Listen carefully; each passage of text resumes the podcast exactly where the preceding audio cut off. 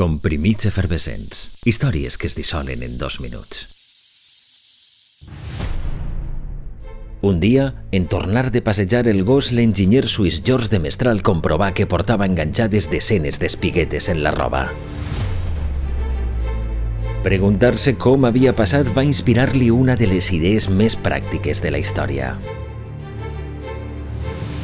Primer ho va intentar gastant cotó i fou un fracàs. Per contra, amb el nylon i el polièster la cosa funciona molt millor. Un 13 de maig patentaven el velcro. Un invent biònic és tot aquell que basa el seu funcionament en les formes i la mecànica de la vida.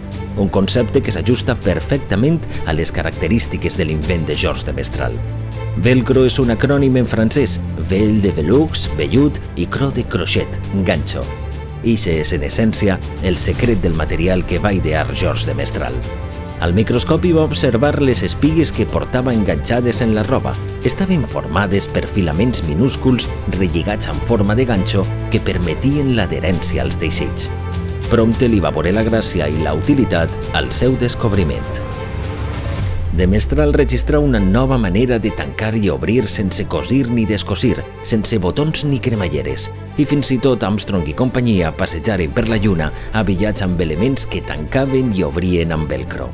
De pas, de Mestral es va fer ric, molt ric, des del 13 de maig de 1958.